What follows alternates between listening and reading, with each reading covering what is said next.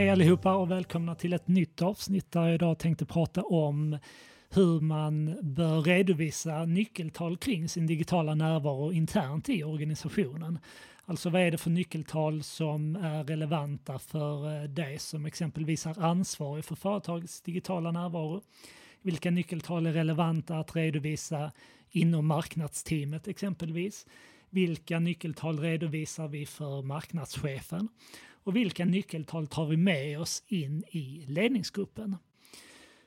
Och jag tänkte här, för att ge er lite bakgrund här, så pratade jag nyligen med en kund som skulle gå in till en ledningsgrupp och, och prata lite om hur det går för företagets digitala närvaro. Och det som efterfrågades då var antal användare på en specifik del av sajten, alltså där man presenterar sina produkter. Och jag skulle säga här att antalet användare är inte, en, är inte ett nyckeltal som jag hade tagit med mig in i ledningsgruppen. Och jag ska förklara lite varför och tänkte också dela med mig av en modell som jag hoppas kan vara användbar för dig. Som lite skapar struktur i vilka nyckeltal ska vi titta på och vilka nyckeltal är relevanta för vem att titta på i organisationen. Så om du tänker dig att du har en eh, pyramid och den här pyramiden är uppdelad i tre olika sektioner. Så att i, den, i, i botten av din pyramid så har du det som jag kallar användarindikatorer eller konsumtionsindikatorer. Och det här är då nyckeltal som du som ansvarar för företagets digitala marknadsföring tittar på på en daglig basis. Det är även de här nyckeltalen som exempelvis era samarbetspartners tittar på, alltså de som hjälper er med digital annonsering i Google eller sociala medier. Och det här är då allt från användare, sidvisningar, vilka målsidor som är populära, hur era sökord rankar i Google, hur mycket bloggtrafik ni har in, hur mycket likes ni får på era inlägg, hur stort engagemang er närvaro på Facebook genererar exempelvis. Och det här är ju aldrig nyckeltal som man hade tagit med sig in i ledningsgruppen för att redovisa. Sedan har vi i den andra sektionen, om vi nu förflyttar oss lite längre upp i den här pyramiden, så har jag det som kallas sekundära indikatorer.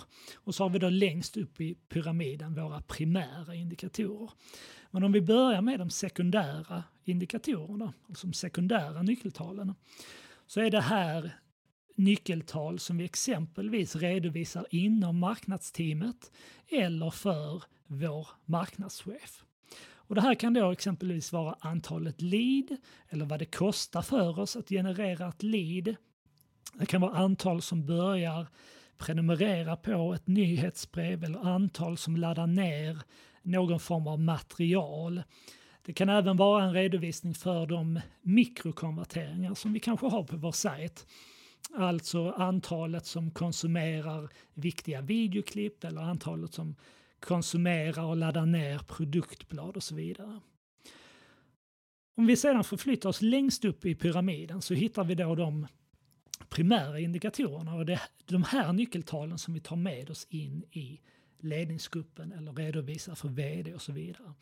Och det här ska ju vara nyckeltal som är så nära affären som möjligt. Alltså hur stor omsättning har vår digitala närvaro genererat? Hur många nya kunder har vi genererat via vår digitala närvaro under den period som vi tittar på? Och det här kanske kräver att man arbetar med en marketing automation-plattform eller att man till och med har en marketing automation-plattform som är integrerad till eh, sitt eh, CRM-system där man helt enkelt kan gå in och titta på att nu har vi fått den här nya kunden, vi går in i systemet och vi kan se att den här personen har påbörjat sin köpresa via en annons i Google. Vi har ett, eh, ett uppskattat värde på den här kunden på 300 000. Och så kan vi då tilldela våra annonser i Google det här värdet. Så det är hit man vill komma i alla organisationer. Det är, det är lite enklare när vi pratar e-handel. ja, då har man konverteringsspårning på plats. Det är väldigt enkelt att se så här mycket genererar vår e-handel i omsättning, så här många transaktioner sker eh, varje kvartal och så vidare. Det blir lite svårare när vi är en business to business eller en, en eh, business to consumer verksamhet att följa upp det här. Men vi måste som, som företagsverksamhet eller om vi har en, en, en ett eh, konsumentvarumärke förflytta oss mot de här eh, vad ska man säga, nyckeltalen som faktiskt kan påvisa ett värde. Så att vi inte kommer till ledningsgruppen och så pratar vi om, ja men så den här månaden eller det här kvartalet hade vi så här många användare. Förra kvartalet så var det så här många användare, det har gått upp 20 procent och, och så tycker man det är bra. Va?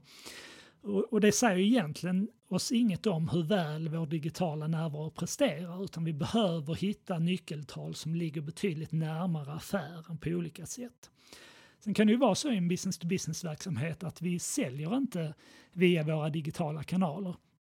Däremot kan vi driva leads och potentiella kunder via vår hemsida och på det sättet mäta hur många fyller i det här formuläret som vi vill att de ska fylla i eller hur många läser det här produktbladet eller hur många tar kontakt med en säljare vars eh, klick på deras e-postadresser som vi spårar i Analytics exempelvis.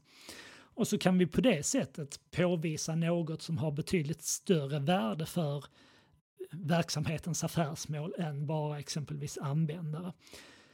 För användare är ju relativt enkelt att öka till din webbplats. Men vi sätter upp lite fler annonser i sociala medier, vi ökar vår budget lite. Det kommer generera fler användare, men det är inte säkert att det genererar eh, någonting i slutändan som faktiskt påverkar verksamheten positivt. Så jag tänkte eh, lägga ut en bild i anslutning till det här avsnittet, lägga ut en bild som, som lite synliggör den här modellen med pyramiden som jag pratar om. Men du kan fundera på den ehm, under tiden, alltså titta vilka är de här nyckeltalen som vi har i botten av den här pyramiden. Alltså vilka eh, nyckeltal är det som är viktiga för det som är digitalt ansvarig att följa väldigt regelbundet. Det kan vara antalet användare exempelvis från olika kanaler och säkerställa att ja, men ju fler användare vi får in desto ökad sannolikhet att de mål och nyckeltal som vi har längre upp i pyramiden, desto fler användare vi har desto högre sannolikhet att de, de här målen inträffar. Och sen då börja eh, titta högre upp i pyramiden. Vilka nyckeltal är det som jag som är digitalt ansvarig redovisar för marknadschefen? Eller vilka nyckeltal är det vi pratar om när vi sitter i marknadsteamet och pratar om vår digitala närvaro? Vilka är de viktiga nyckeltal som vi tar med oss till ledningsgruppen? Och de ska ju helst vara så nära affären som möjligt. Så jag lägger till lite material som du kan fördjupa dig i anslutning till det här avsnittet och så hoppas jag att du med hjälp av det här materialet kan få bättre koll på de nyckeltal du följer upp och en bättre förståelse för, hur, för vilka nyckeltal som du redovisar till vem. Så tack för att du lyssnade. Gå gärna in på vår blogg nivide.se blogg för att ta del av mer tips och inspiration kring eh, eh analys och eh, Google Analytics. Vi har nyligen lagt upp en ordlista för Google Analytics som redovisar tio viktiga begrepp som du bör ha koll på som marknadschef eller digitalt ansvarig. Så kolla gärna in det.